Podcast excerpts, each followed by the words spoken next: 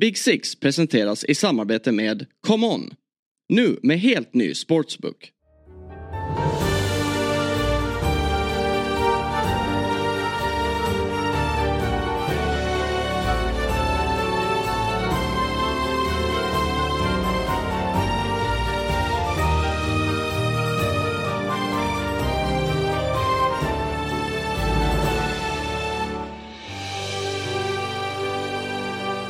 Hjärtligt välkomna till Big Six Podcast avsnitt 147. Idag har vi besök av Petter Landén. Hej! Hur mår du? Det är ganska bra. Ja, kul att ha dig tillbaks. Det är kul att vara tillbaka. Efter en intensiv period i skidbackarna. Ja, eller skidspåren om man ska vara benhård. Ah, okay. Alpint kan jag inte ett jäkla dugg om. Men när det handlar om eh, svenska 25-åringar som tar ut sig så mycket att de har snor i hela ansiktet. Det är ett expertområde. Hur, hur är det att se det på nära håll? Alltså... Snoret? Nej, men, nej. men någon som, är, som tar ut sig på den där nivån? Eh, alltså... För det finns ju inte så många andra sporter, eller ja det är ju, det är ju bara individuella sporter. Det är inte så att i fotbollen att man någonsin ser någon, en fotbollsspelare och så slut. Nej. Det är väl Anderson, kommer ni ihåg det? När han lämnade Man United och gick tillbaks till Flamengo ja. eller Fluminense eller något sånt där. Och var tvungen att få äh, äh, vad heter Syrgas, det? Syrgas ja. på planen. För han, han, var ju så dålig form. ja. Men det är också, det, det omfamnar den brasilianska kulturen ja. stenhårt för det. Alltså grejen är att det, det är framförallt det som slår en är hur fruktansvärt fort de åker. Det, det ser man inte på tv. Eh, och sen de hinner ju ofta samla sig innan de kommer ut till oss för att prata. De hinner liksom sitta ner, få i sig liksom vätskeersättning, snabb energi och sånt. Det värsta jag varit med om, eftersom jag bevakar friidrott också, är gång. Ja det har man ju sett mycket klipp när de kommer på upploppet ja. och bara faller ihop. Typ. Exakt. Och Skiten rinner längs låren. Exakt. Ja. Det var, det, på VM-programmet förr fanns en femmil gång. Ehm, det var fruktansvärt tråkigt att titta på, det ska ju erkännas. Ja. Men den mixade zonen efteråt, alltså det var spya och skit överallt. Alltså det bara, alla kroppsvätskor bara rann ur dem. Jag, något av det absolut vidrigaste jag upplevt i hela mitt liv. Det är numera borttaget från programmet för att det, det är för hårt. Som, som det var kanske typ att gå i Gamla stan på 1500-talet. Ja. ja, fast utan liksom den glada alkoholstinna luftburna gonorréstämningen. Detta är bara väldigt tunna killar och tjejer som inte har någonting kvar i sig. Men vilket jävla sport att träna i, alltså gång. Mm. Va, va, vad ska du göra nu? Jag ska promenera till Madagaskar. För... Ja. Du ska upp på ett högt berg i Mexiko, sen ska du gå fort så in i helvete. Ja. Mm. ja men kul att ha dig här. Ja det är väldigt kul att vara här. Och Sabri och Kalle är också här. Tack. Vi ska prata om, eh, det, vi har ju en ligacupfinal på söndag bland annat. Mm. Där hela lag ska drabbas samman. Två riktigt, riktigt skadedrabbade lag. Men vi, vi ska väl eh, vi, vi, vi, får väl ta det lite längre fram i programmet för det, det har spelats en del fotboll och det har, vi har mycket på tapeten ändå. Och då tänkte jag börja eh, och fråga er vad det är någonting som har dykt upp nu senaste dagarna. Mest kopplat egentligen till Rio Ferdinand. Ni såg väl säkert att han satt ju på samma plan som massa Arsenal-supportrar mm. ner till Portugal. Mm. Och så började, han har ju hållit på att prata om Saka och han skojar om vad världsklass. Och sen så i deras studio efter matchen igår så stod de också och diskuterade det här. Vad är världsklass? Och då tänkte jag fråga. Vad är, alltså, vad är, vad är världsklass för, för er? Vad är en världsklasspelare? För jag tycker det är så luddigt det begreppet. Man hör ju ofta när man mm. sitter och säger men han är världsklass. Det är världsklass. Vad är egentligen det? Ja, jag tycker det är svårt. Alltså det är så här, ska man vara enkel och krass och hård så kanske så här bara, ja, du presterar alltid i de stora matcherna, du är avgörande i, i de största matcherna, i avgörande matcher. Eh, och så. Eh, men sen kan det finnas världsklassaktioner i mindre matcher liksom, som man kanske ser också. Eh, men det är, och det är väl där Saka någonstans är mitt emellan. Folk väntar på att han ska vara avgörande för Arsenal i de viktigaste matcherna. Eh, samtidigt som man kan göra världsklassaktioner senast, senast mot eh, Burnley. Liksom, eh, om det är två eller tre 0 målet. Liksom. Så det är väl hela den, eh, det snacket om där Saka är just nu i, i mittemellan. Där någonstans. Ja men alltså jag håller med dig om att det är verkligen att du ska kliva fram i de stora matcherna mot det tuffaste motståndet. När pressen är som störst. Och, och vinna. Alltså så här. Eh, okej, okay, för det finns ju internationell hög nivå. Ja, men det kan ju många vara på, liksom att man är på en hög nivå. Sen om vi, Messi, Ronaldo, Mbappé, är de här världsklass? Då är ju inte Saka världsklass. Då måste vi hitta en, antingen en ny kategori till dem eller en ny kategori till Saka och gubbarna som är, strax under. Men jag såg ju liksom att eh, Arsenal-supportrarna då jämför honom med Gareth Bale. Och att då, för att han har precis gått om honom då i antal poäng i Premier League. Och, och, och, och, och tweeten slutade väl så här. He's world class, I don't say no more. Mm. Och, och då blir jag så här, men nu får, alltså för mig blir det så här, mm. får sätta dig i båten, Gareth Bale har fem Champions League-titlar. Fem! Har Saka ens fem Champions League-matcher? Nej men på riktigt. Mm. Det, för mig kan du inte, det går inte att jämföra. Alltså Bale är på en annan, han är, han är fortfarande på, alltså ska Saka upp till Bale, det är ett tag kvar. För mig. Ja, vi, alltså, kollar man bara till exempel Bale då, alltså de tidiga Tottenham-åren innan han gick till Real Madrid. När han var sådär fruktansvärt dominant. Då ska man ju också jämföra vad han hade runt sig. Det mm. laget kontra ändå vad Saka har. Det är ett bra Arsenal. Mm. Så, det, alltså, ja, så det, den, hela Saka-diskussionen håller jag ju med om. Mm. Att han, han är kanske inte riktigt där än och att Bale Alltså Bale var ju för jävla bra. Ja, ja, ja. Alltså sen så, jag är inte nödvändig, jag, jag fattar vad Sabi menar också men att, att att vinna titlar, det måste ju vara slutmålet. Du kan ju vara världsklass utan att egentligen ja, göra det. Ja, alltså i, i fallet Harry Kane tycker jag att han är världsklass. Utan att han har, han har vunnit Audi Cup liksom 2009 eller någonting. Men eh, jag tycker det är nästan viktigast över att du visar att du kan hålla den nivån över tid. Eh, för att alla kan ha formtoppar. Jag, jag vill hävda att Alvaro Negredo sitt första halvår i Manchester City var absolut världsklass. Mm. Därefter var han katastrofal. Men det var sex månader så var han topp 10 spelare i världen. Och, men det gör inte honom, men, alltså hans legacy till en världsklasspelare. Vi, vi hade den där diskussionen om Kane i, i en annan podd. Och då var det så här, är han den minst pålitliga av alla världsklass då? För för mig. Tvärtom skulle jag säga. Nej. Den absolut mest pålitliga. Nej men alltså ta en toppmatch, ta en final. Mm. Den sista av alla de här då som, som är i den kategorin som man värvar för att vinna, som man har på planen för att liksom prestera och ta en till titlar. Då är väl Kane den minst på, pålitliga. Alltså han har förlorat alla finaler han har varit med i. Mm. Han har eh, inte levererat i semifinaler. Han har aldrig du, vunnit en cup. Alltså, du vet, så här, då, då, det finns ju många världsklasspelare som är betydligt mer vinnare mm. än Kane. Som jag hade ställt ut på planen. Ja, eventuellt. Jag, jag ser det som att utan Kane så hade Tottenham inte ens varit i närheten av att nå de höjderna som de faktiskt gjorde under perioder. Att, att det faktum att de ens kunde spela en final mot Liverpool är en produkt av vad Kane var. Det är ingen slump att City City ville ha honom när de till slut skulle vinna Champions League. Det slutade med Haaland, det blev inte kattpiss liksom. Men det, det, var, det var Harry Kane som var Peps första prioritet och det var det av en anledning. Eh, samma sak Luis Suarez i Liverpool var absolut 100% världsklass. Att de tappade titeln. Den här, alltså eh, Gerards fall mot Chelsea och eh, kollapsen mot Crystal Palace det var ju inte på grund av Luis Suarez utan på grund av att resten av spelarna runt honom var Sunday League-nivå, vissa av dem. Mm. Um, men jag, jag, tycker det viktiga är att du håller den nivån över tid för att du ska klassas som det. För att ha en riktigt bra säsong kanske till och med två. Det, det kan många ha. Mm. Men att konsekvent leverera på den nivån. Okej, nej han har inte vunnit någonting och det kommer nog alltid förfölja honom för han kommer inte vinna Bundesliga eller Champions League eller någonting den här säsongen.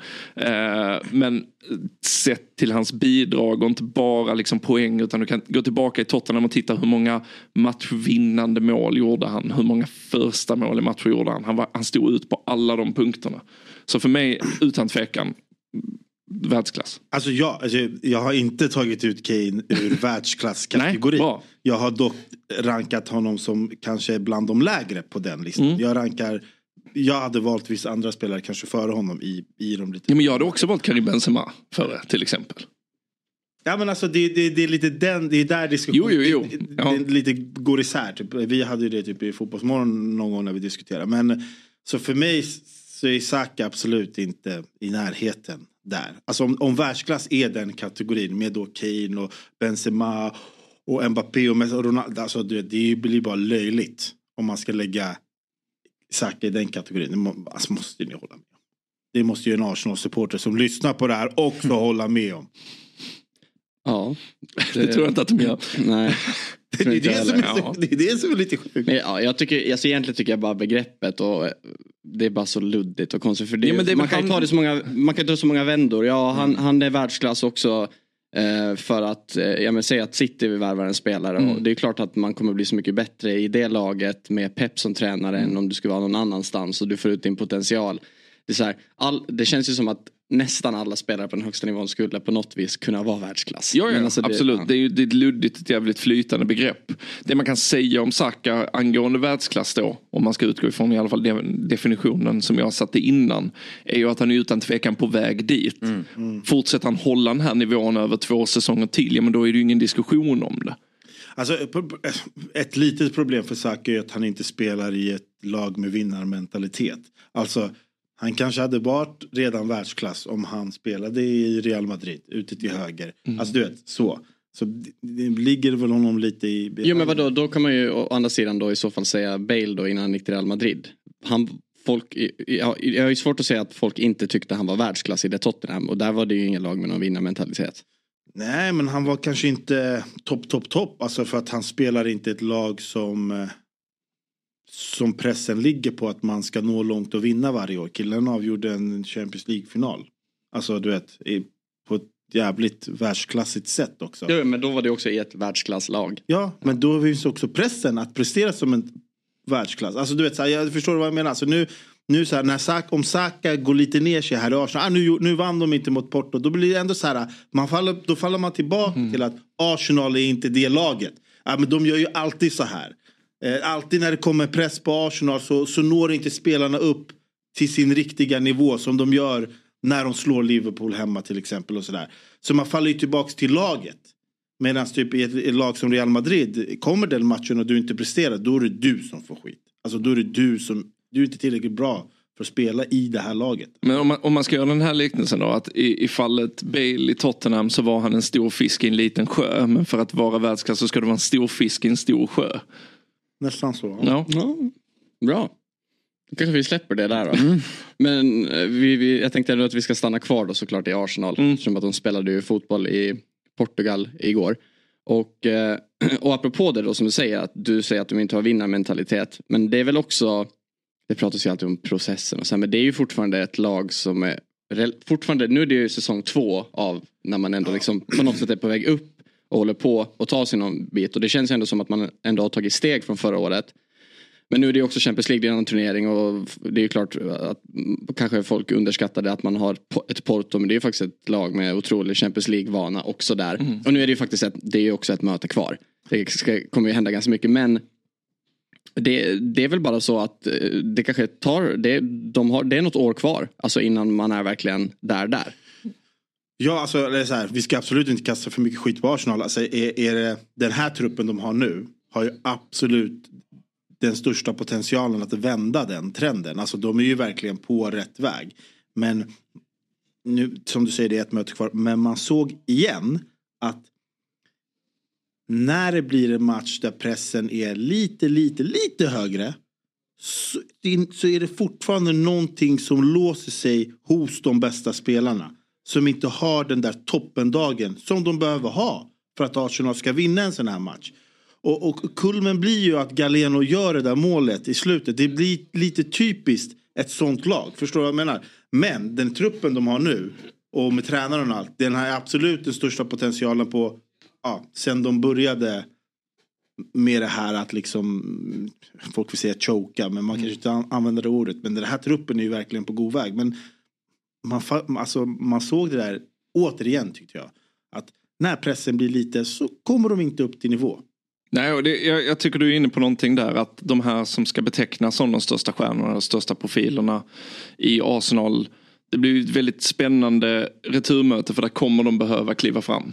Eh, och det kan man väl känna en viss tveksamhet kring faktiskt att ha Bukayo Saka, ha Martin Ödegaard, de ledaregenskaperna. Alltså jag, jag säger inte att man måste vara liksom Roy Keane. Men jag, jag håller med om att det känns som att det saknas någonting där. Att den typen av ledar egenskap hittar vi egentligen i Mikael Arteta och inte riktigt någon annanstans i dagens Arsenal-trupp. Jag tycker att de saknar Granit Xhaka. Jag saknar honom i, i den här Arsenal-truppen. Känns kändes inte som en riktigt smart spelare att släppa, ärligt talat. Och det, alltså man ska dra kopplingen till City innan, mycket för att jag sitter här också. Eh, att det tog väldigt många år för Pep.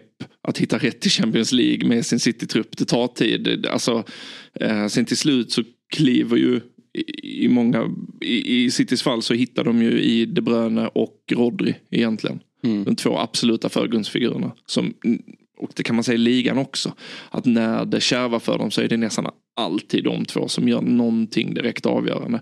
Och den typen av profiler, ledare eh, måste du ha i laget. Jag är lite tveksam alltjämt för att jag har inte sett det från Saka eller Ödegård eller framförallt alltså Gabriel Jesus nej, Martinelli nej, Kai Havertz nej.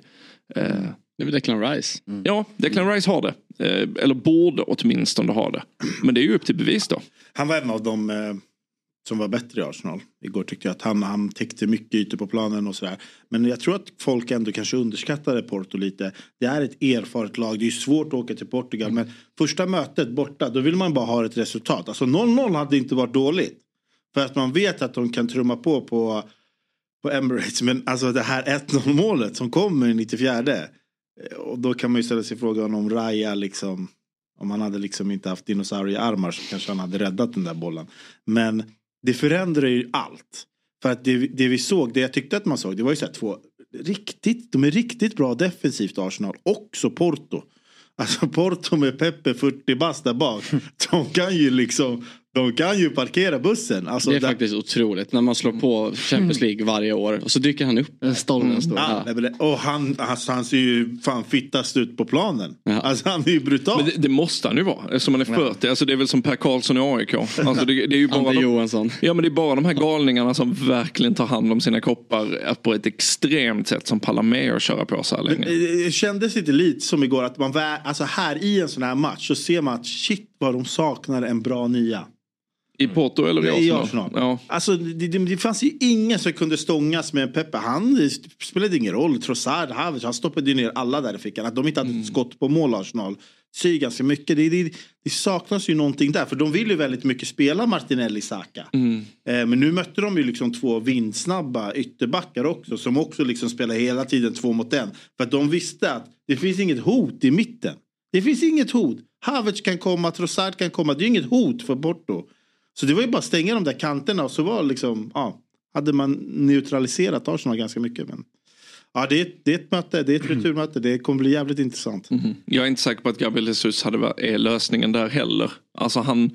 Nej, han, jag, han, jag tänker någonting helt annat. Ja, ja, ja men alltså Gabriel Jesus, då minns jag från City-tiden också att hade han, var han inne i ett stim där han var bra Eh, det som sen blev den här eh, vändningen från Real Madrid där eh, Fernandinho spelar högerback. I det första mötet där är Gabriel Jesus helt jävla ospelbar för motståndare.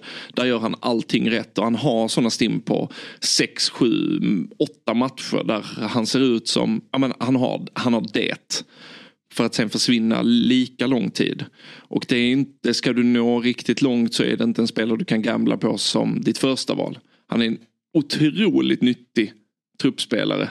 Kan också roteras in på alla platser där uppe. Men jag hade inte lagt mina ägg i den korgen som nia.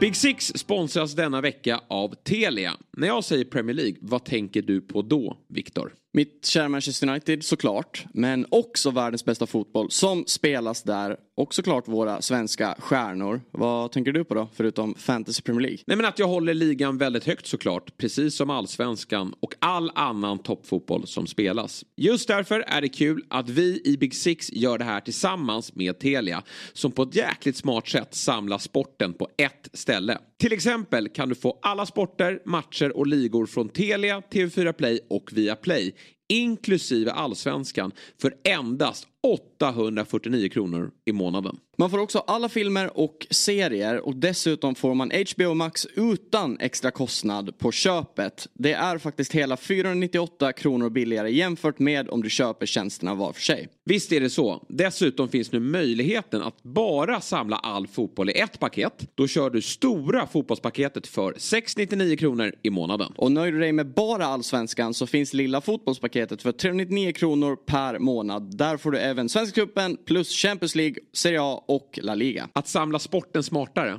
det är verkligen Telia. Vi säger tack till Telia som är med och sponsrar Big Six. Ett poddtips från Podplay. I podden Något Kaiko garanterar östgötarna Brutti och jag, Davva, dig en stor dos skratt. Där följer jag pladask för köttätandet igen. Man är lite som en jävla vampyr. Man har fått lite blodsmak och då måste man ha mer. Udda spaningar, fängslande anekdoter och en och annan arg rant. Jag måste ha mitt kaffe på morgonen för annars är jag ingen trevlig människa. Då är du ingen trevlig människa, punkt. Något Kaiko, hör du på Podplay. Därför är gardinerna.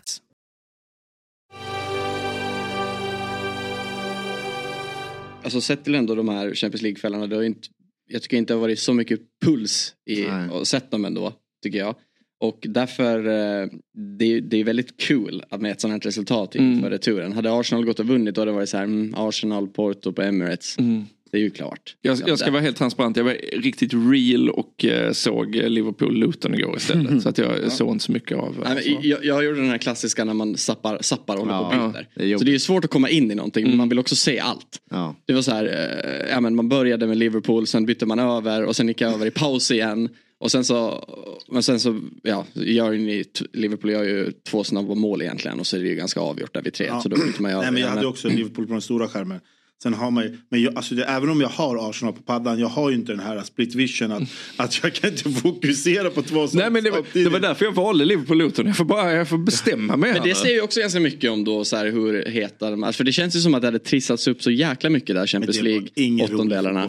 Men att man i det fallet då att man, du faktiskt väljer eh, Liverpool mot Luton en onsdag. Ja, jag, jag, jag tyckte ändå att jag valde rätt. Ja. Vad, eh, alltså så här, Premier Leagues toppstrid känns ju betydligt mer rafflande än åttondelarna i Champions League. Det kan vi väl ganska det lugnt hade varit konstatera. intressant att se några så här eh, siffror bara på när, för det har ju hänt förut ju under de här Champions League. Det var, var, det, var det någon gång under förra våren som det var ett riktigt toppmöte i Premier League som hade flyttats till någon av de här Champions League-kvällarna? Mm, Och sen- kan säkert vara det. Då, då, då, alltså folk är ju såhär, ah, nu kollar ingen på Champions League. Nej, det, Jag har ingen aning om det. här, Men det tror jag, jag vet inte fan alltså. ja, men vadå, en, en toppstrid i, i, i Premier League, det är väl eh, en Champions League-final förutom, om- alltså typ, du förstår vad jag menar. Mm. Så, det hade jag absolut, hade det varit City man mötte, då tror jag inte ens, det hade inte varit en frame som tittar på. Nej, Ja. nej, nej, nej. Det kan ju vara ärliga. Ja, ja. Eller om det hade varit Arsenal City i Champions League. Då hade ju ingen hade tittat på flyttat- Liverpool-Luton. De hade flyttat Champions League till 22.30. De bara, du måste spela efter Liverpool City. Det här går inte. Det kommer inte alla tittarsiffror. Men vad, vad säger vi om, eh, vi kan väl hoppa lite mellan eh, Champions League och Premier League då. Det blev ju ändå, det var ju på något sätt eftersom att allt snack med alla skador. Det är Thiago, det är Trent, Allison, Matip, Jones, Nunez, Jota, Soboslaj. Eh, ja.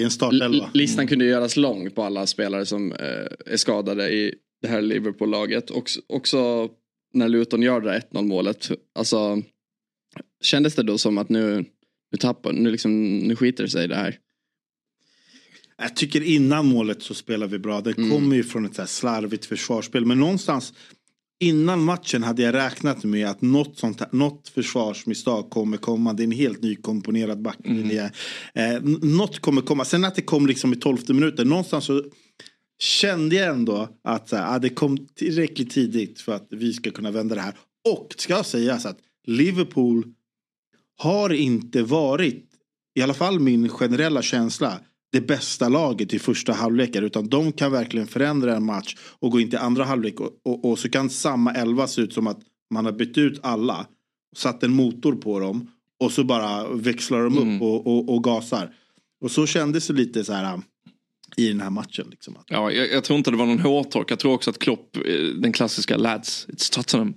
Alltså att det, det är Luton. Bara, bara gå ut och krossa dem. Och jag, jag håller med om det att, att Liverpool ganska många gånger kommit ut ur en halvtidsvila och känts piggare. Det som är deras fara nu i skadeläget och eh, det lite mer trögstartande än vi kanske vi är vana vid ska vi säga under Klopps hela tid är ju att mot bättre lag så straffar sig det slarvet hårdare och det kan vara för sent med en second half push så att säga. Ehm, och det är ju det är ganska lång frånvaro på ganska många av de här eh, viktiga kuggarna nu va? ja, Alisson missar ju City-matchen åtminstone. Så ja. Soboslaj, ja, han är inte riktigt så här tillbaks i träning men han kommer väl.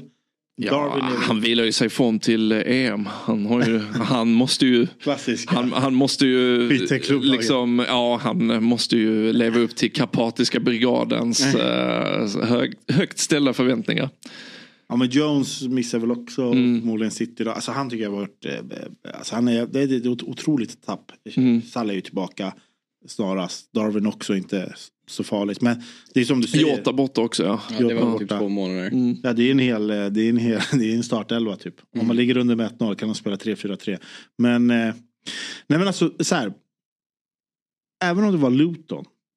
Alltså jag blev, jag blev så glad igår.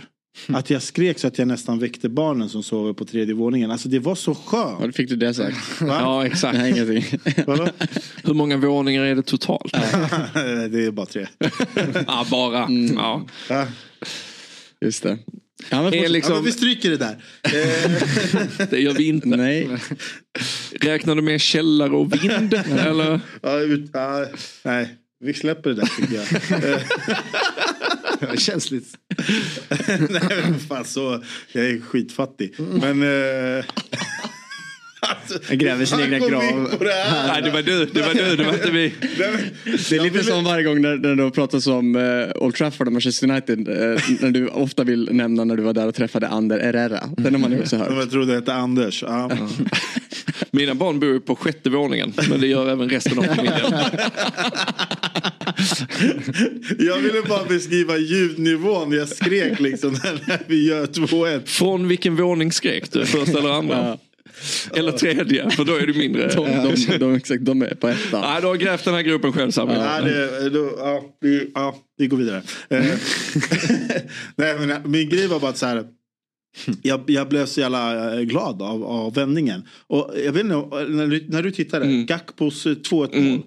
Alltså jag fick en känsla, jag vet inte om det var kameramannens fel, men jag fick en känsla av att de gjorde en sån här Liverpool mot Barcelona, de slog hörna snabbt. För jag, man fattade ingenting. Nej, nej, nej, nej. var det bara mål och så stod han där, och var, han var inte ens glad och jag bara "Vad- Blev det mål i Rosa? Alltså, Ja, nej, men jag, vad jag, hände? Jag trodde på riktigt typ en Lutonback hade dundrat in den eget kryss eller någonting. För, för stod liksom så här och bara jaha, ja, ja, ja. Men det, blev- det var... Alltså, jag vet inte om det var kameramannen som inte hajade att måste gjort ont i hans huvud Ja, också. Det var ett skott Det var ju ett skott. Ja, ja, ja. Alltså, men det är ju så man ska slå inlägg. apropå jag. det, det bara slår mig nu, annars kommer jag glömma säga det. Men den där chansen, jag vet inte om ni såg den, Portos chans i typ 21 minuten. När han dundrar den i, i Stolpar. stolpen och får tillbaks bollen typ två meter från linjen och på något sätt skjuter den utanför. Alltså jag, det, det är ett sånt under att det inte blir mål i den här situationen. Det är liksom det är så mycket svårare att inte lyckas göra mål där. Det var helt otroligt. Nej, men alltså, ja, och det är också Galeno. Så han förtjänade ju det där skottet i krysset. Men Mm. jag tycker det var otroligt att han fick träff på returen. Alltså att han var så snabbt. Alltså, det, var, det var ju också ett stenhårt skott stolpen. Så kom tillbaka. Så, nej, men det otrolig situation. Mm. Tycker du det var en målvaktstavla förresten av Raya målet? Han står ju långt ut liksom. Jag Bollen vet. landar ju typ Jag nästan fattar. innan målet. Men ska alltså. skott gå in därifrån? Alltså man ser ju Declan Rice. Han kliver ju inte upp för han tänker så här, låt han skjuta. Mm. Det ska inte bli mål härifrån. Eh, Hade han tagit ett steg upp så hade skottet täckt på hans, hans ben. Så det kanske inte så bra försvarsspel heller. Men skott ska ju inte gå in därifrån.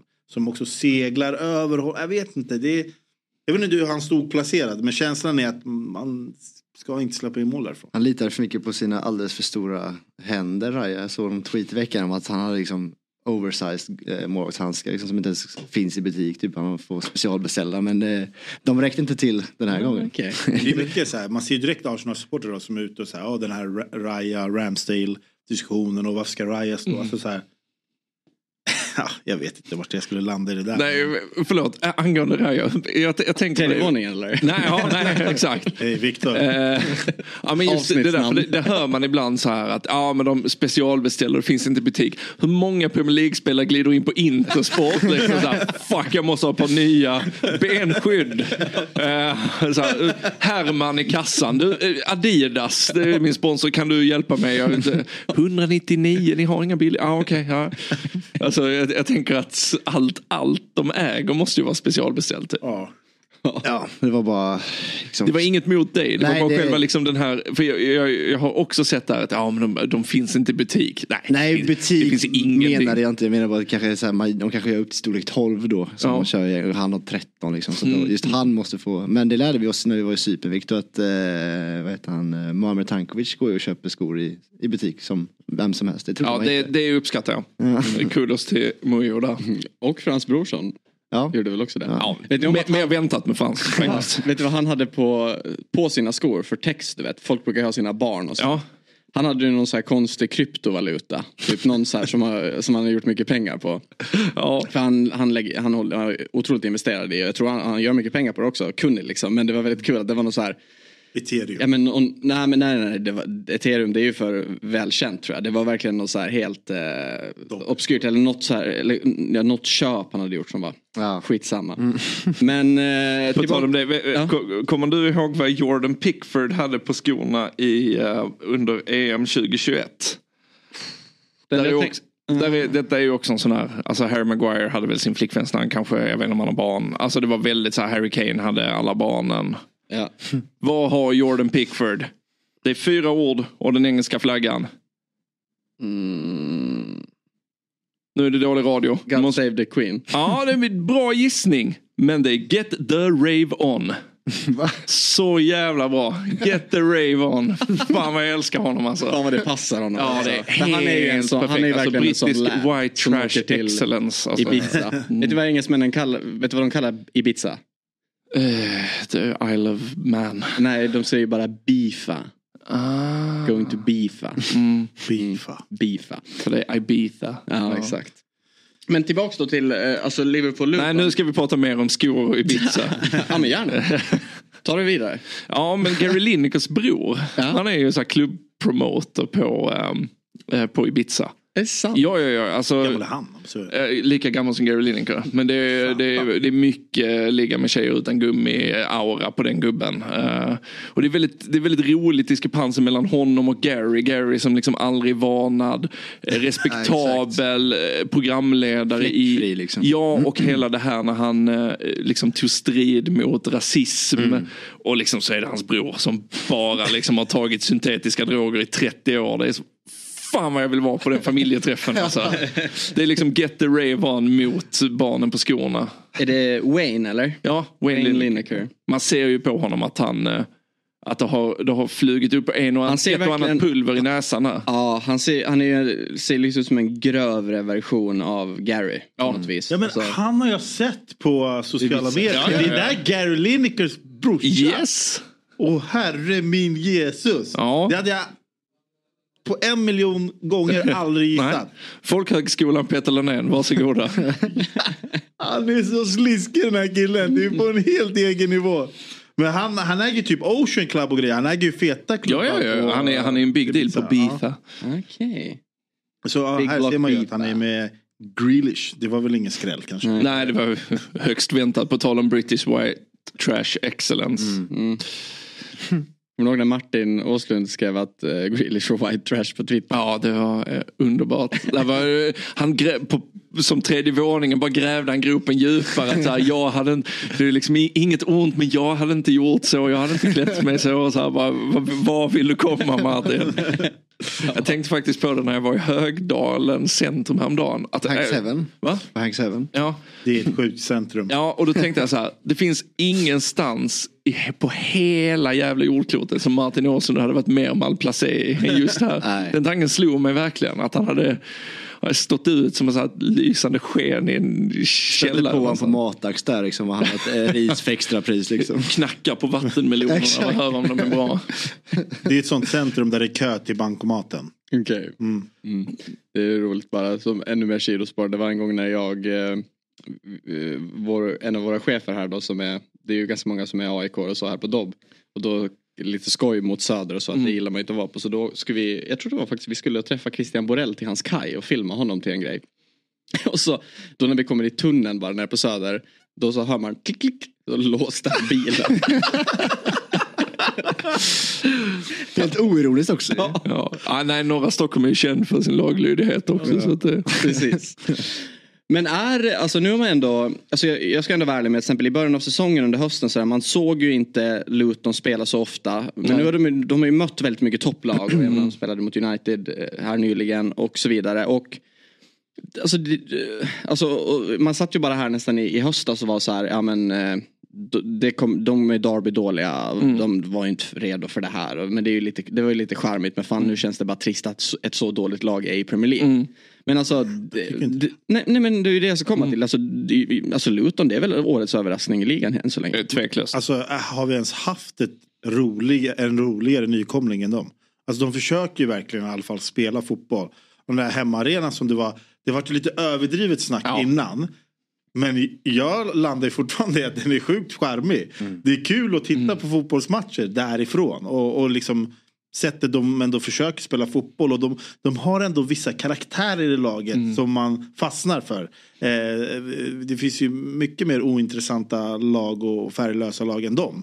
Eh, Ja men om man tänker bara på förhand och snacket med Burnley och Vincent Ja. Company och hur man bara slaktade Championship och nu, nu det här är inte Burnley man kommer upp som man alltid har tänkt att Burnley är. Eller alltså, Nej, under, under alla år i Premier League med Sean Dyche. Så det här kommer komma ett lag som kommer att spela. Och, och det är ju verkligen, man har ju bara helt enkelt inte kanske riktigt klarat av att Nej, helt enkelt. copa Att- det i nej, Premier League. och de- det de- är ju rimligt. Men Luton på något sätt, där har man ju ändå, alltså, det är som du säger, de spelar ju, men de spelar ju ändå inte. Alltså det, är- där har man ju ändå en balans på något vis.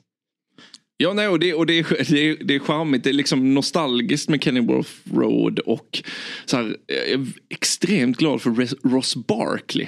Alltså han ser ju riktigt bra Han är ut. lite sådär Everton Ross Barkley. Ja, exakt. Och det, jag, jag tycker om liksom tanken på att Kennyworth Road är en plats man går till för att återfödas på något sätt. Ja. Att ja, men Andros Townsend är där och Tahit Chong som det kanske snackades mest om för att han hade en eh, Fellaini flötande frisyr när han var i United. Ja, men det kanske där det ska tas fart igen på något sätt. Carlton Morris har den här perfekta, just det han gjorde mycket mål i Championship va, auran o- om sig. Men tycker han gör mycket nyttigt och vettigt liksom. Eh, Mengi i backlinjen är ju bra. Eh, Rob Edwards är en person som kommer vara ett perfekt pubquiz om två år. Eh, Det, det finns väldigt mycket att älska med Luton faktiskt. Trots, jag var så fruktansvärt, alltså jag var så less på hela den här This is the entrance to Luton Stadium. eh, Borta står Alltså memen. Jag, Ja. Åh fy fan, jag bara skicka ut dem innan de spelar match. Alltså diska dem från hela säsongen för jag står inte ut med det här. Nej. Och nu har jag fått vända helt. Ja, och någonting med det här med att arenan den var inte klar. De fick inte spela första omgången och sådär. Men det var ju kul apropå eh, Rob Edwards. Jag vet inte om ni såg den sekvensen. Eh, efter matchen så går ju eh, Klopp och eh, kramar om, eh, eh, vad heter han nu, han är ynglingen som fick göra debut. Eh, Inte Kvans, nej. Eh, Jaden Dance. Ja. Eh, hoppade väl in i typ 89 eller någonting. Men då så, han, Klopp bara kramar om honom och är glad efter. Då glider ju Rob Edwards in bakom eh, och skrattar och typ säger bara jag spelar med hans farsa. det var lite kul. Ja. Ja. Ja. Och också en annan grej från matchen när Luis Diaz gjorde mål. Det var ju lite fint ändå att, hans fars, farsan var ju på plats. Och, det var, och också charmigt i att han stod i Kort, han körde kortärmat och handskar precis som eh, Diaz gjorde på planen. Ja, det är, Just det, just det, jag tänkte inte ens på det. Men nu när du säger det. det är en så kallad Colombian full kit wanker. Verkligen. Oh, ja, och, och, och, exakt, och det som var fint med det här är då, det är väl ingen som har missat att han var ju kidnappad och grejer. Det var väl någon månad sedan. Jag funderade på, kan man dra något skämt att han är uppenbart kidnappad igen? För vad gör han annars på Anfield? Nej. Kanske. Han är i heaven nu. Han är i heaven.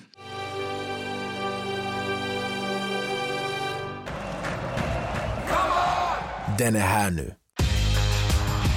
Commons nya sportsbook med en av marknadens tyngsta betbuilders. Nya spelare får 500 kronor i bonus. Nu kör vi!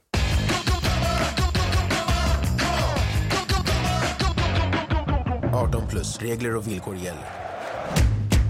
Sabri, Ja, om du tänker på sportsbook med riktigt grymma odds, vad tänker du på då? come on. Oh, jag med. Dök bara upp sådär i mitt huvud. Ja. Mm. Och eh, på tal om det då, Mm. så har du någonting att leverera? Ja, om jag säger så här till dig då. Mm. Sex mål i rad, vad säger du då?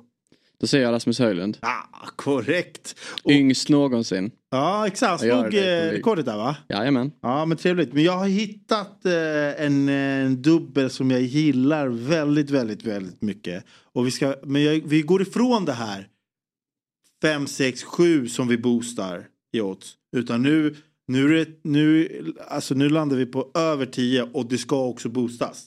Eh, och det är en dubbel. Okej. Det är en, man kan kalla det för en Manchester-dubbel. För det är en dubbel med, eller det är, det är en betbuilder med United och en betbuilder med City. Men om vi går in på United. Old Trafford mot Fulham. Jag tror att det kommer bli extremt mycket mål. Jag tror att Fulham till och med kan göra ett mål. Men jag, jag ser en match där kanske United vinner med 3-1, 4-1, 3-2. Så jag har Man United att vinna. Över tre mål i matchen. Och Rasmus Höjlund göra mål när som helst. Alltså han är ju så het. Alltså han kommer ju göra en ball i den här matchen. Så enkelt är det ju bara, eller hur? Ja, ja. Ja. Det låter fantastiskt. Och så tar vi oss vidare då. City mot Bournemouth. Har vi en annan ganska het eh, nordisk spelare. Så är det ju. Erling Braut Haaland, göra mål när som helst. Över 10 mål i, i över, ti- över 10 mål. Det var jävligt mycket. var ju tufft. över 10 hörnor i matchen. mm. Och City vinner eller oavgjort. Okej, spännande. Mm. Och det här ska också boostas. Alltså Ja. jag känner ju bara en liten slant så kanske man har en resa till Maldiverna. Uff. Så en Manchester dubbel. En Manchester-dubbel har vi. En Manchester dubbel bet. Ja. Kan man säga så? Ja. Så är det. Intressant. Och eh, spelet det kommer ju som klart, eller det finns såklart på common.com under fliken experterna och även på vår Big Six Twitter då. Och eh, såklart så måste du eh, som spelar vara minst 18 år, spela ansvarsfullt och om du eller någon i din närhet har problem så finns stödlinjen.se. Vi säger stort tack till Ett poddtips från Podplay. I fallen jag aldrig glömmer djupdyker Hasse Aro i arbetet bakom några av Sveriges mest uppseendeväckande brottsutredningar. Går vi in med hemlig telefonavlyssning och, och då upplever vi att vi får en total förändring av hans beteende. Vad är det som händer nu? Vem är det som läcker? Och så säger han att jag är kriminell, jag har varit kriminell i hela mitt liv men att mörda ett barn, där går min gräns. Nya säsongen av Fallen jag aldrig glömmer på Podplay. som är med och möjliggör Big Six. Om vi hoppar tillbaka ytterligare en dag då. Ap- eller ja, det blev ju seger mot Brentford. Ja. Jag Jag att du... är nästan beredd att utnämna det till eh, 2000-talets tråkigaste Premier League-match. För er som segt. orkade traggla Ja. jag den. Jag kollade. Katastrof. Eller jag, då, jag körde den, nu körde jag helt, helt dubbelskärmsgrej. Ja. Så det var ju lite, um. Men stämmer det att det var John Stones första gula kort på Etihad? Det läste jag. På Ja. 125 framträdanden. Ja men det, det kan Som nog mittback. stämma. Det kan nog stämma. Han, han gör ju väldigt få, alltså han, det är väldigt lite Otamendi i Mm. John Stones, eh, väldigt lite chansbrytning över honom. Eh, det, det kan säkert stämma. Alltså han, hans, hela hans uh, USP är ju att han är så jävla intelligent. Liksom. Han är ju inte världens snabbaste, världens starkaste, världens längsta och, och så vidare. Men han har ju en fotbollsintelligens klart över genomsnitt. Eh, jag, jag tar inte gift på det men har det stått så så tror jag säkert att det är så. Han, han tar inte många gula överhuvudtaget. Nej. Vad säger du annars då? Ja, alltså det, det knackar ju. Det ser ju inte... De har ju. De hade en period och efter de här kaosmatcherna mot Chelsea och Tottenham som var konstiga. eh, Så tyckte jag att de hade en period där det började se väldigt bra ut igen. I regel. Men ganska uppenbart, det såg man i 1-1 match mot Chelsea. Man ser det här. Det, det klickar inte riktigt än. Men det är fortfarande tidigt. Alltså, och läget de ligger i nu, fyra poäng bakom Liverpool med en match mindre spelad. Är ett läge som jag tror de är väldigt, väldigt, väldigt trygga med. Och veta vad de gör. Eh, De Bruyne sparades ju här mot Brentford. Det känns, det känns ändå sunt för det känns som att det är så ofta den här typen av spelare som bara är fram och tillbaks Mm. skadar så mycket. Ja, men tänk en typ Reece James till exempel. Som vi ändå pratar mycket Ja, om. där är det över. Att man ska, ja det är det ju säkert. Men att man ska liksom slänga sig in direkt efter en skada. Ja. Nu, nu, väl, nu ska vi väl en, jag kommer ihåg att du snackade om det där men nu, nu har han väl ändå opererat. Ja, han åkte dit till Finland och opererade sig. Mm. eh, Så hoppas... Må han vila i frid säger vi. Ja. Just det, apropå, jag visste han var i Finland och opererade sig Ja. i Åbo. Ja. Det var väldigt kul, en kompis till mig ehm, eh, som bor på Åland och jobbar på Åland. Han hade en kollega som också var i Åbo och opererade sig och typ vaknade upp i något rum där och, och så låg Reece James där. Tänk dig ändå, Ja. du vaknar upp liksom eh, riktigt morfinstinn Man tror inte att och, man och så har tittar man och så, Han bara, hur hög är jag? Ja. Ja. Sänk dosen, snälla sänk dosen. ja, nu kommer jag av mig lite, var var vi? Jag Vi var inne på City. City. Som tydligen är dåliga men de Nej, nej, nej, nej, en match inte- på 20. Inte dåliga, inte dåliga. Inte bara inte, eh, det är inte det här, alltså de, de sätter ju ribban högt själv och om man jämför med hur det såg ut i slutet egentligen från kanske februari, mars förra året när, när saker och ting plötsligt bara klickar, när det faller på plats.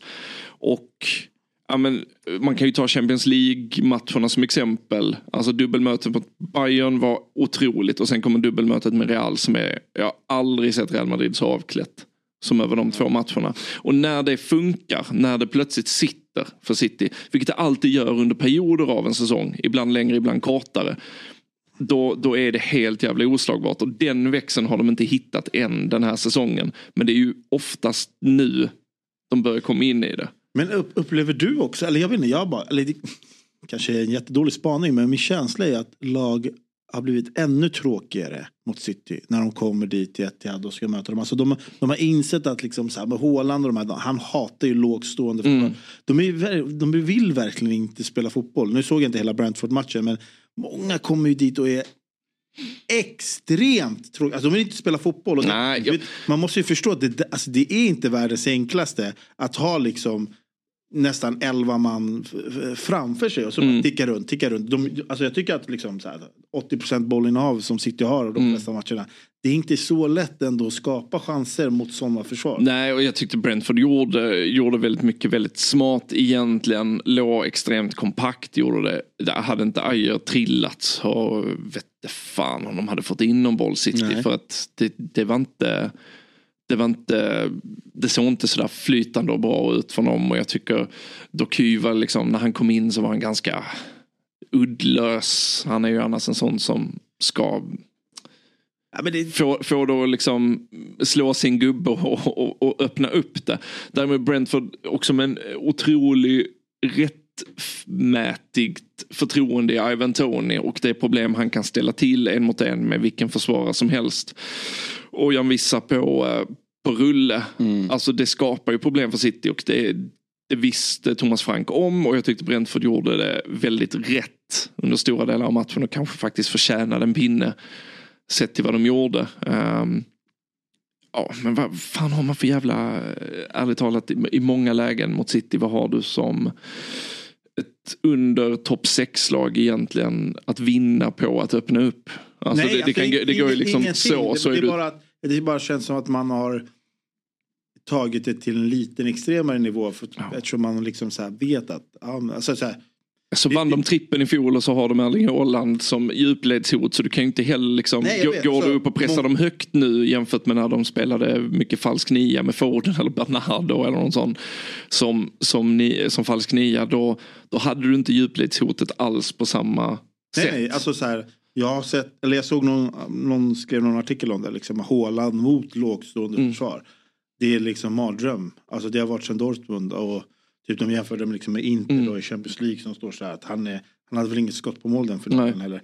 Alltså det, de, de, man vet vad de gör men eh, ja, topplagen kommer ju inte spela så kanske men eh, jag tycker att man, eh, jag tycker, alltså vadå det ser lite krassligt ut men ni, ni vinner ju match. Alltså, Ja, ja, ja, nej, och, och det är det jag menar. Chelsea, men alla går väl på en plump någon gång. Ja men alltså City har åtta poäng tapp den här säsongen men är mer, alltså väldigt nära Liverpool i ett läge där de har eh, 13 matcher kvar att spela.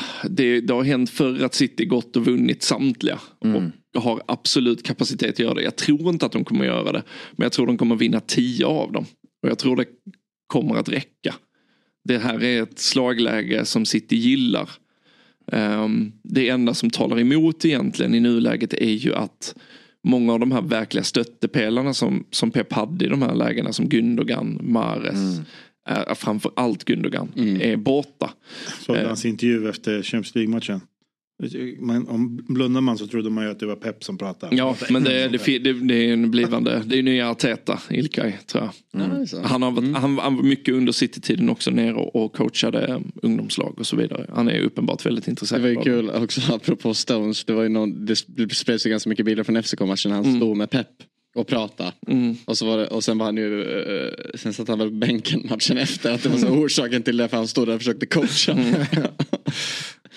Men jag, tror, jag tror det blir ju det blir ju skadad av den där konstanta hjärntvätten. Ja. Alltså det, och har du då lite fallenhet och kanske så här, både Gündogan och Stones uppenbart väldigt intelligenta spelare.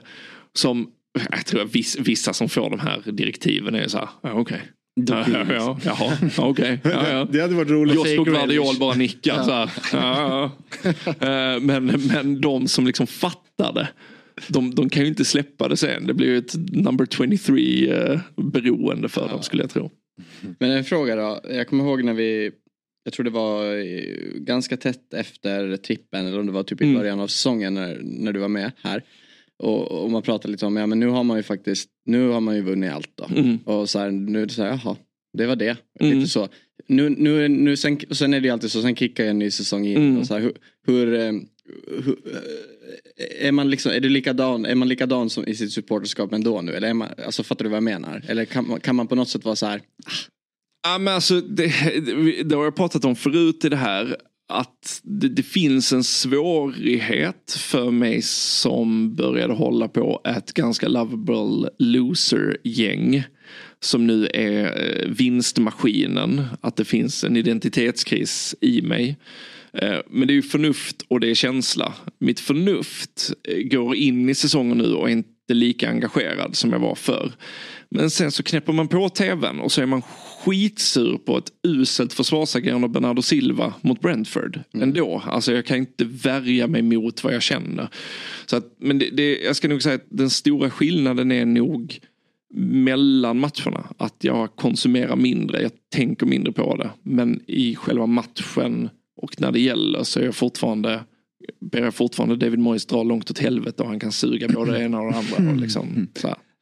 Någonstans får ni väl också lite draghjälp den här säsongen här, av Arsenal och Liverpool som eh, båda är bättre i år Mm. och utmanar mer och därför blir det kanske viktigare för City, alltså så här, att man får lite motivationsdraghjälp Ja, ja, ja. någonstans. Ja, ja. För de jävlarna Alltså- ska fortfarande ändå inte få vinna. Nej, nej, Vi ska vinna Ja. till slut liksom. Ja. Hade det varit två lag, eller hade de inte utmanat lika starkt och ni kanske Nej, men han- lätt nu med 3-4 poäng då kanske slappnat av Mm. procent extra och då är det livsfarligt om Liverpool får träff eh, på våren eller Arsenal får träff på våren men nu får ni lite mer draghjälp. Liksom. Mm. Ja, jag tror också och det, det. kan ni bara vinna på om ni liksom, ja, orkar hela vägen ut där. Ja, och med tanke på skadeläge i Liverpool. Arsenal som ska slåss i Champions League kanske fortsatt. Eh, medan City har fått tillbaka allting efter ett Mm. svårare första halvår. Det är väldigt mycket som talar för en City-titel till i det här utgångsläget. Tyvärr. Ja. Det, vilka ser du då som, vilka, alltså som den största utmanaren av Liverpool och Arsenal? Liverpool. Det är så? Ja, PGA. jag tycker att de är bättre. Ja. Betydligt. Ja. Jag- Det känns verkligen som det är väldigt blandat det där. Mm. Vem man nu pratar med. Alltså, men ja, jag tror ju också, det är ju, det har man ju, säger man ju alltid hela tiden. Jag tror ju också City kommer vinna men det är ju väldigt roligt att det är tre lag. Mm. När var det tre lag senast som faktiskt, De som ser ut att hålla så länge också. ja, nej, det har ju varit... Leicester-säsongen. ja, Var Ja, det Leicester, Tottenham, Arsenal då va? ja. mm. Tror jag. Men det låter också, konstigt alltså att Ja. de tre lagen alltså. Anomali. Men vi har ju snackat lite om så här, eh, gått händelserna i förväg och sagt liksom, om ta Pep-trippen igen. Mm. Då måste han väl lämna. Ja. Eller, liksom, är han så galen att det är bara han som kan fortsätta igen? Då? Ja, alltså jag tror Pep handlar om omständigheter också. Jag vet inte om han vill ta ett sabbatsår, Lex Klopp. Eh, Jag tror det handlar om vad det finns för andra möjligheter. Om han går, efter, går han tillbaka till Barcelona? Det tror jag inte. Inte nu i alla fall. Där det snackats också om han ska tillbaka dit så kanske som någon alltså, sportchefsliknande liksom, Ja övertränare. ja, men då, liksom. då, då kanske. men då men liksom, kan ju lite ut också från Ja Vet exakt, exakt. Och ska han gå tillbaka till Barcelona som har alltså, fruktansvärda ekonomiska besvär. Mm. Där han inte alls har något svängrum alls att förverkliga det han vill förverkliga. Jag har svårt att se det. Samtidigt bra liksom läge att göra liksom La Masia-talangerna till liksom den nya generationens om, man, om man känner att han orkar Ja, och vill. exakt, ja, ja. Det, det kommer ju ta Det ganska många jobb, år liksom. innan Men det de... finns ju spelare att liksom. Det, det gör det. De, det, det kommer ju alltid helt plötsligt någon ny kille som heter Montoya. och Bara Ja, så här, Jaha, han är bäst i världen på- bland ligamatch. 15-åringar. Ja. Okej, ja, ja. Men de där tränarna liksom. Alltså Det är lite av ett FN-projekt. Mm. Det de ska jag hittar- göra La Masia. Typ. Men de hittar ju, de måste ju hitta nya motivationer varje år. Alltså så här, Pep kan ju inte bara så här trippen, det är inte bara hans motivation. Han, alltså går vi in i hans hjärna då är det, då är det så konstigt. Jag tror att det är väldigt udda Nej. saker som motiverar honom typ. Så här, Det är alltså- fler än tre våningsplan. Ja exakt, Ja, han har nog ganska många på. Ja, det tror jag med. Ja, Eller? Ja, det tror jag. Det tror jag. Men tror du, när, när han väl lämnar City då, tror du han kommer vilja ta en paus? Nej, men det är det jag säger. Jag, jag, jag är inte säker på det. Jag, jag tror det handlar lite om omständigheter. Han kanske känner, säg att han vinner trippen och kanske han känner att han har nått vägs ände. Nu har jag liksom gjort, upprepat en trippel, nu är mitt jobb här klart. Då kanske han känner att eh, jag måste lämna men det finns inget annat projekt i nuläget som jag vill hoppa på. Alltså han tog väl en paus innan Bayern när han höll på att plugga tyska och sånt där. Men... Bodde i New York eller vad det var? Ja. För det, för det är intressant det där, som, exempelvis då som Klopp nu eh, som gick ut, jag menar han sa ju att han behöver en paus helt enkelt. Det, det känns ju som att han kommer att sitta på en tränarbänk säkert väldigt, väldigt kort. Och det tror jag ändå. Vissa är ju Ja, men tog han inte paus efter Dortmund innan han tog han Liverpool skulle ju också? ta en lång paus men Mm. så det blev ju bara en höst ju. Och så Mm. hoppade han ju på Liverpool där i november eller vad det var Mm. ju. Men eh, jag lyssnade på eh, José Mourinho nu efter eh, han blev sparkad från Roma så var han ju med i Rio Ferdinands Mm. eh, podd. Kul lyssning generellt. Eh, men då så, då så sa ju, de frågade ju honom då what's next och så sa han ja, men jag vet inte jag har fått några förslag och så men inget jag var intresserad av. Men han, sa han var ju tydlig och sa att jag vill, jag vill jobba. Att det, liksom, det finns inget mer deprimerande än att jag ska ta en paus. Han han, han vill bara på nästa projekt. Men det, är- ja, det är sen skiljer väl kanske han sig också mot en Klopp som det känns ju som att han tar ut sig på ett annat sätt. Mm, kanske. Kanske. Ja. Samtidigt kanske också Mourinho känner att det är, det är Så länge lite, lågan brinner. Lite, det är lite, lite. svanesång här nu. Det gäller att ta det jag kan innan.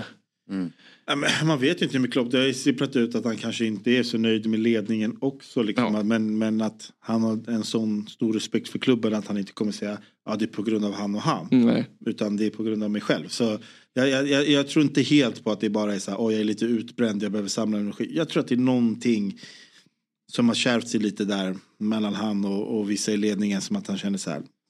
Jag orkar inte det här, jag orkar inte det här gidret med dem Mm. ett år till. Utan eh, nu. Sen tror jag som dig att han, han, eh, han, han, han har för mycket energi för att bara sitta, du vet. Alltså han är, kommer vara på en jakt eller på tredje våningen Mm. som ni säger med familjen. Sen kommer han bara, uff de här är jobbigare att vara med typ. Alltså vi kommer ju se han någon gång. Eh, Ja, ja, ja. Det, det, är, Eh, frå, det är frågan om vad, vad som blir hans Var nästa. när bara. Ja, exakt. Alltså, Pep. Pep har ju varit tydlig med att han måste tillbaka till värmen. Jag kan inte bo i England för länge. Liksom, nu har han gjort Tyskland, nu har han gjort England, han ska söderut igen. Italien är ju fortfarande inte eh, erövrat så att säga. Om man ska se till gamla... Det kan vara en motivation. Det tror jag. Och ser man till gamla antagonisten Mourinho som har vunnit Champions League och Serie A.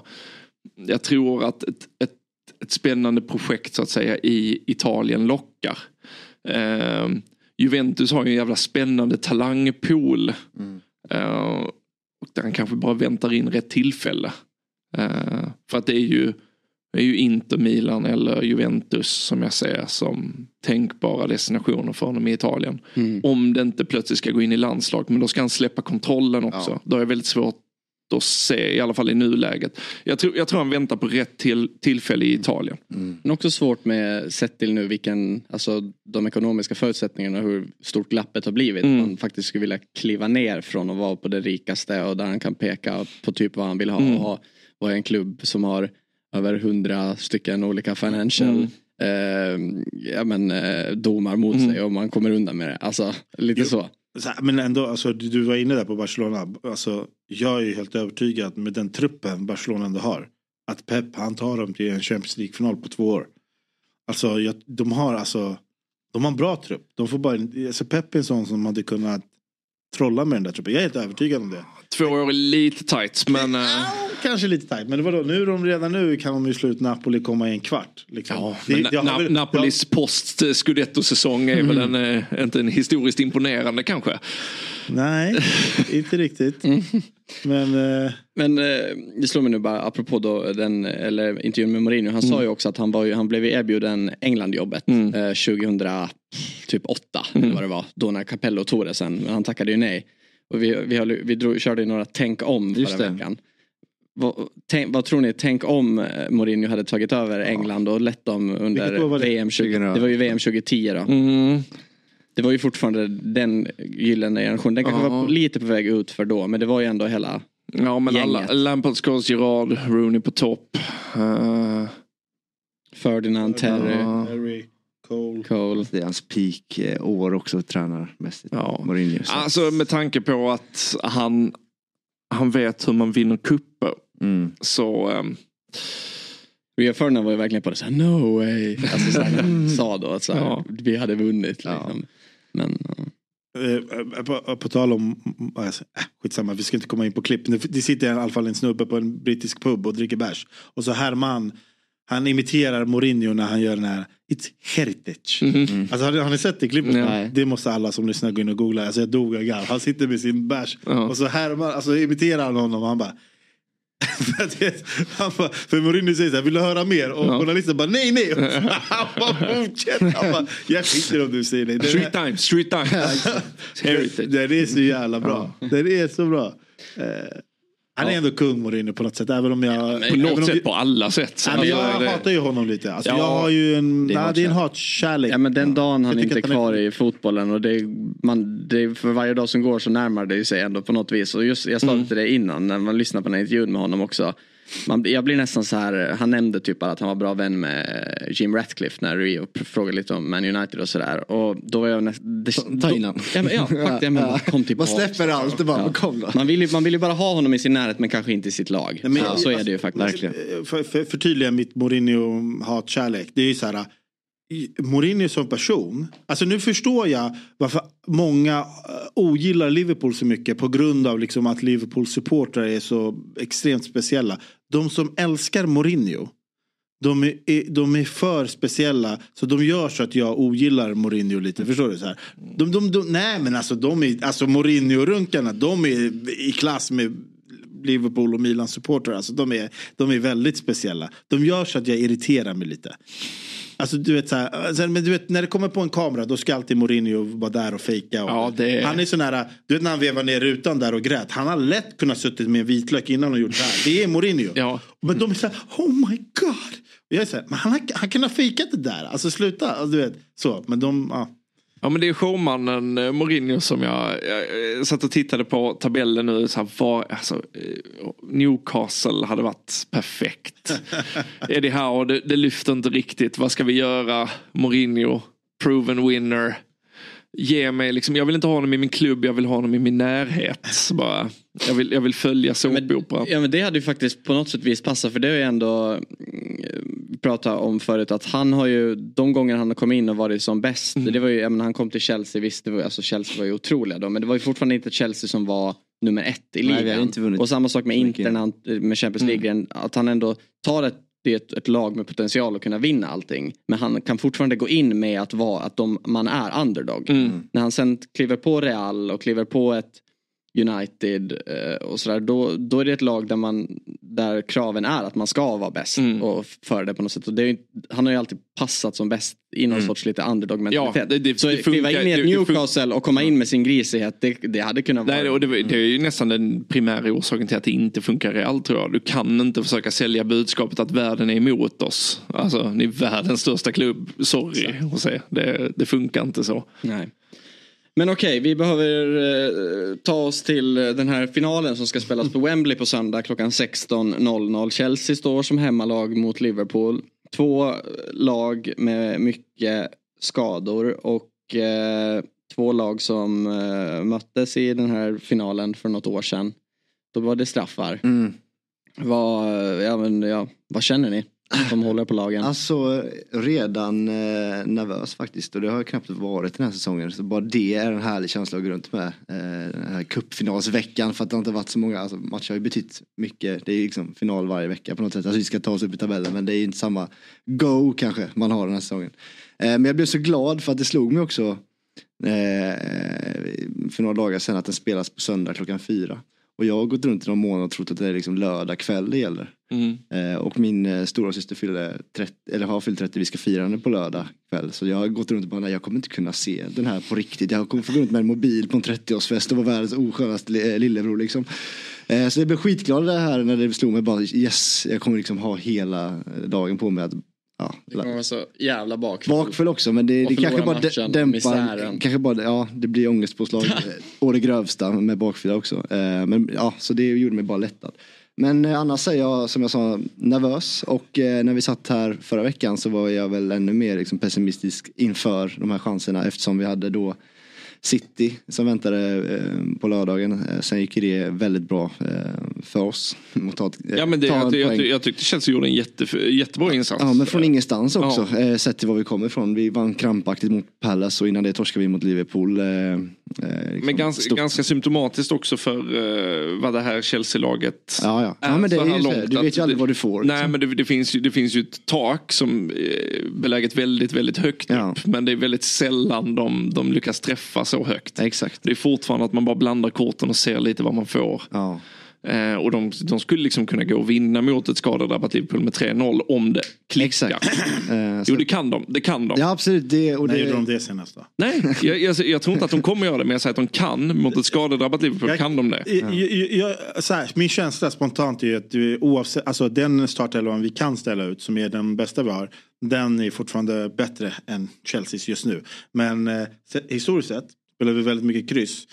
Och ända till straffar. Och då Och då måste man byta in ett par spelare. Ja. Och där har ju Chelsea lite bättre bänk än vad vi förmodligen kommer kunna komma med. Så att, eh, det gäller, jag, jag vet inte, min känsla är att vi, eh, måste ta det här inom 90 minuter. Men det tror jag faktiskt att vi gör. Mm. Eh, jag, håller oss, jag håller oss fortfarande som Ja, jag håller oss som favoriter. Jag vet inte Nej det, är- det är väl eh, självklart att det är så. Alltså trots skadorna. Men jag tror att ja, några kommer ju hitta tillbaka liksom. Om ni fick eh, eh, plocka valfri spelare som är eh, Ja, eh, indisponi- in, indisponibel. Mm. det. Snyggt. Tackar, tackar.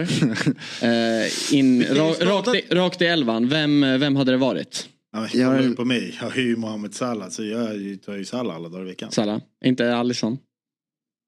Nej, inte i en sån här match. Okej. Jag tar ju en fullt frisk Reece James givetvis. Mm. Eh, Även fast Malo Gusto kanske är liksom, eh, ja, otroligt bra ersättare just nu och är i superform så tar man ändå hans eh, ja, peak insatser. Ja, alltså Chelseas skadelista är ju ganska lång. Men å andra sidan så Det det, är är, de ändå, här, det är ju typ gala-elvan man kan ställa ut ändå. Ja, nästan. Ja, men alltså, tittar du på elvan som startar mot City så Alltså det är ju en elva som spelare för spelare inte ska ligga där de ligger i tabellen. Och där taket måste vara mycket högre. Det, det, det finns egentligen utifrån ett skadeperspektiv tycker jag ganska lite för Chelsea att gnälla på inför eh, ligacupfinalen. Det, det, det, är färre ursäkter för Chelsea att inte prestera bra kontra Liverpool. I den Alltså, här eller vadå? Varför- Sett till spelarmaterial. Varför Alisson? Alltså om du går till straffar, har du sett Keller? Han, han kan skjuta straffar, det, det minns väl du? Han kan skjuta straffar. Vilken jävla. Ja? Ja, de räddade ju inte, de räddade, ju- han och, och Kepa räddade ju inte en enda straff tills det var de två kvar. Ja. Men jag har hellre en målvakt som kan rädda straffar än att skjuta straffar. Ja, hellre en målvakt som kan rädda skott under match. Vi har tagit in Chilavert på tryout. Så, han är 57 gravt Nej, går det till alkoholiserad. straffar då vill jag, då vill jag Kelly där. Ja, men det är klart, alltså Salah det är ju givet. Ja. Men skadelistan, men han, jag vet inte, känslan är väl att han inte är den mest skadade på den där listan utan det finns ju liksom. Ja. Men han är helt ruled out. Det finns ingen, eh, alltså Salah. Nej, det är, alltså, det är lite svårt att veta vilka de... För mot Luton också, så här, det, är, det är lite svårt att veta vilka som är helt ruled out. Vilka som är så här, ey, två, tre sprutor så kan de spela. Eh, men jag tror att de är väldigt försiktiga med Salah med tanke på att de skyndade tillbaka lite med Trent och så är han borta ännu längre och sådär.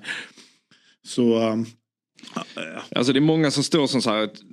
Nu kollar jag bara live scores för att få någon form av uppfattning. Men Trent står ju som mid-march.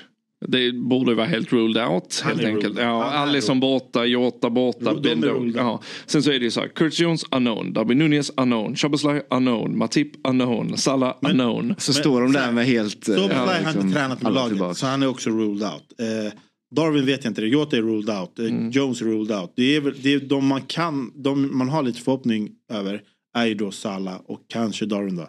Eh, de andra är ju, kommer ju inte vara med. Eh, så det kommer ju vara tufft eh, oavsett. Chelsea har också redan spelat ut sitt trumfkort inför den här eh, finalen. För att eh, när, eh, när Arteta, eh, när de torskade mot eh, Liverpool i FA-cupen, Arsenal, Mm. drog han till eh, Salt Bay på restaurangbesök och blev lite häcklad för det. Efter det gick de och vann fem raka matcher, Mm. 21 mål i liga och cuper. Pochettino var där efter, innan matchen mot eh, Manchester City. Tog en viktig pinne borta Ja. på Etihad och nu så kommer liksom eh, fyra, Ja. matcher här av bara ren... Eh, Jag gillar du är lite på gång idag. Det var den där handskstorleken och Salt Bay besök. Ja, Ja. Då får vi alltså se Nusret där nere springa och ta selfies och lyfta bucklan. han Men lyfte jag den första av alla. Ja. Ah, han lyfter, precis. eller han bara flyttar Thiago akta. Jag ska jag lyfta. Det hade du ändå tagit om ni vinner bucklan. Ja, Ja. Han får alla. får Salt Bay skiten i den här pokalen. Lite annat med Messi och- och VM-bucklan. Ja, exakt. Mm, annars i helgen då. Manchester United ska spela mot Fulham och eh, ja, alltså. Arsenal Newcastle. Mm. Eh, en jävligt intressant match. Vilket kommer ihåg vad jag sa om eh, United Luton inför. Att, eh, vad, Att ni skulle vinna med 2-1 och höjden gör 2. ja, det, var, det var det du sa. Sen sa jag att Adebayo skulle göra andra, han gick sönder på uppvärmningen. Så Ja. det hade, could have been greatness. Ja, Ja, men du Så, kollar vad ändå. har du på United Fulham då? Ja. men eh, jag tänkte på det. eh, Vi ska se. vad- Det är ju ändå ett blow. Nu verkar ju Luke Shaw bli borta resten av säsongen Mm. igen. Så United det är ett annat lag med Luke alltså, Shaw med- tycker jag också. Ja, alltså verkligen. Alltså den där backlinjen, det är, fan han är bra Luke Shaw alltså. Ja, jag, men jag, jag tittade lite på Uniteds schema rent allmänt för att nu, nu är de ju liksom ett av de formstarkaste i ligan. Ja. Och jag bara känner, alltså du vet jag har känt så jävla tydligt att det här är det är väl Mark Twain som sa det finns lögn, ren jävla lögn och statistik. Eh, att detta är fallet statistik. Vi blir lurade av någonting här. Och jag tror att det kom upp en annan statistik då som visade att United hade släppt till 20 skott från Luton i den matchen. Och det var åttonde gången den här säsongen som de tillåter motståndarna att avlossa 20 skott. Jämförelsevis har det hänt två gånger under Klopps tid i Liverpool att Liverpool har släppt till 20 skott från en motståndare. Så bara för att sätta det i något form av perspektiv. Och Jag tror Fulham, det är så jävla mellanmjölkigt lag och med lite vind i ryggen tror jag säkert att United kan vinna den. Sen tror jag det är den sista ligamatchen de vinner på väldigt, väldigt länge. Ja, det har ju varit ett bra schema här nu. Ja, sen kommer Ja. City borta, Everton är hemma. Visst, Sheffield United hemma, den bör de vinna. Brentford borta, Chelsea borta, Liverpool hemma, Bournemouth borta, Newcastle hemma. Det, jag tror att United kommer bli så fruktansvärt found out i mars och början av april så att det bara sjunger om det. Inte minst nu när de har tappat Luke Shaw. Alltså det har varit, jag har sett då, tidigare nämnda Rio Ferdinand helt övertygad om att United slutar fyra. Jag är helt övertygad om motsatsen. Det finns inte en chans i helvete att de är bättre än både Villa och Tottenham den här perioden som kommer. Nej, jag tror inte heller. Tar sig Chelsea förbi tror du? Nej. Nej. Nej men det är alltså, I och med att du varje gång rullar tärning. Liksom så här, etta igen, hopp.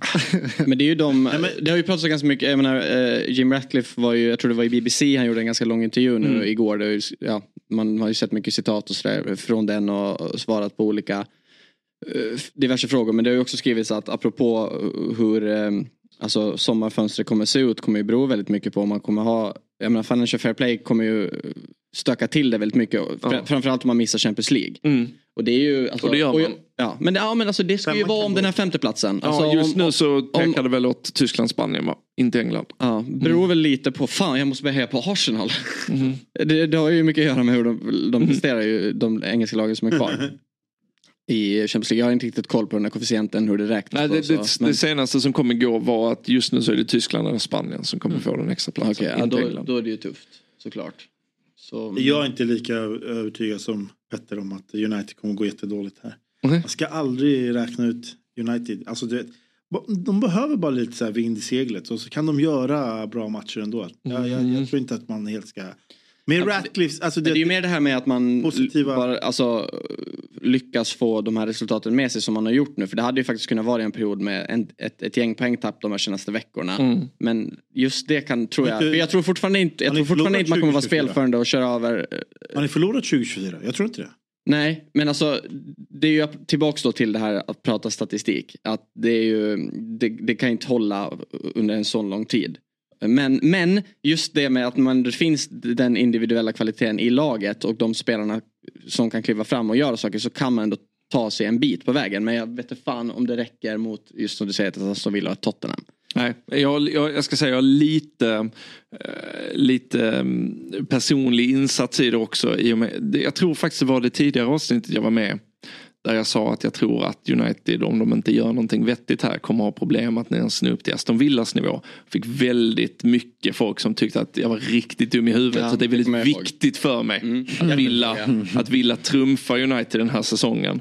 Så jag kan ställa mig i mitt elfenbenstorn och pissa ner på alla. Ja, jag är inte, jag är inte lika säker. Nej, men jag tror dock på seger mot Fulham och jag antar att du tror på seger mot Bournemouth. Jag tror på seger mot Bournemouth. Mm, trots Dominic Solanke. Ja, alltså han är bra. Jag tycker att eh, det... Kan han vara med i en EM-trupp? Kane, Watkins, Solanke. Ja. Tony kanske. Ja, Tony. Hellre Tony. Ja. Tony bidrar med något helt annat. Ja, han har en lite gubben i lådan aura där. Ja, han är jävla stark. Alltså, han är ju det. Alltså det, det är löjligt. För Callum Wilson petar vi ju. Han är, han är, han är, han är Det väl finns ändå många engelska Han är tillräckligt bra. Mm. Men ändå, det är, en, alltså det är ju bara en som är given såklart. Men där bakom det finns ändå ett gäng. Ja, jag skulle nästan spela Tony vinna? före Watkins.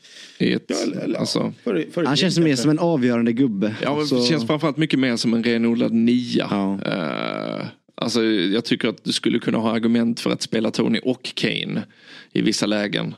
Om de ska, alltså Southgate har ju sällan, sällan ställt upp i ett 4-4-2 men skulle de gå till det så Kane tycker om att droppa. Och Tony, ja, jag gillar ju eh, straffområdesspelare. Jag gillar den, eh, alltså sättet han mot liksom spelare som Stones eller Diaz eller vem som helst. Alltså att han han är, han är intelligent, han är stark, han har bra avslutsfot. Det finns väldigt mycket att gilla med Ivan Tony. Ja, alltså, han har verkligen det där självförtroendet. Mm. Så det, jag tror inte det stör honom om det är en kvart semi, alltså vad det än är. Nej. För honom är det som att han spelar på, alltså han har en sån mentalitet att Mm. mm. vet, skit i vem jag möter, vilken match. Utan han, han är i sin stil hela tiden. Ja. Det, hade, hade han varit i Arsenal nu hade jag eh, gillat deras chanser mer än vad jag ser just nu. Han har ju kunnat göra väldigt mycket vettigt jämfört med ganska överhypade Leonard Trossard. Så är det. Bra att du sa det där tyst. Om, om, om någon verkligen ville höra får man verkligen skruva upp volymen. Ja men eh, hörni vad trevligt vi har haft. Ja, Ehm, tack vi har lärt att- oss om Wayne Lineker. Visst, det tar jag med mig. kokainstinna brorsa. Exakt. Herregud. Och att du bor på sjätte våningen endast och Ja. Sabri bor på många olika våningar. Exakt. Och Än så länge vill jag säga, än så länge. Jag har Ja. börjat investera i en cypriotisk svensk kryptovaluta som jag tror jävligt mycket på faktiskt. Så att, eh, things are looking up. var ska du sätta den uh, marken då? Tatuera Frans- över Jag tänkte bröstet, säga, det blir tatuering. Ja. Mm. Hur många procent upp kanske? ja. Vet du hur många specialbeställda handskar som Raya du kan köpa då? Ja, Ja, det, det, exakt, det är det som kommer till att kalla Nej, men det. Så att Raja har storlek, inte 12, utan 13 Ja. på händerna. Ja, ni Och stora träffa, mig, händer, det innebär stora handskar. kommer träffa mig på Intersport Liljeholmen ändå. The Högdalen centrum, har de ett Intersport där? Matax Nej. har allt. Ja, alltså de har ju någon väldigt obskyr second hand butik som Andra säkert varvet, säljer va? ja, så här, så här prasseljackor. Så kan ni nog hitta mig också. Botanisera. Det finns bra grejer. Ni, mig hittar ni på Hank Seven. Bra. Ja men eh, kul att du kom förbi Petter. Tack för att Du jag fick komma. komma förbi igen, Mm. jag. Och eh, tack till Sabri och Kalle. Tack Six är tillbaks på måndag igen med Jesper och Björn. Missa inte det. Hej då.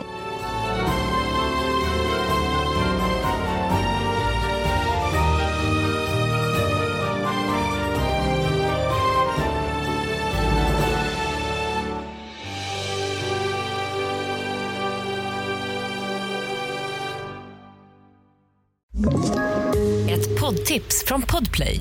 I fallen jag aldrig glömmer djupdyker Hasse Aro i arbetet bakom några av Sveriges mest uppseendeväckande brottsutredningar.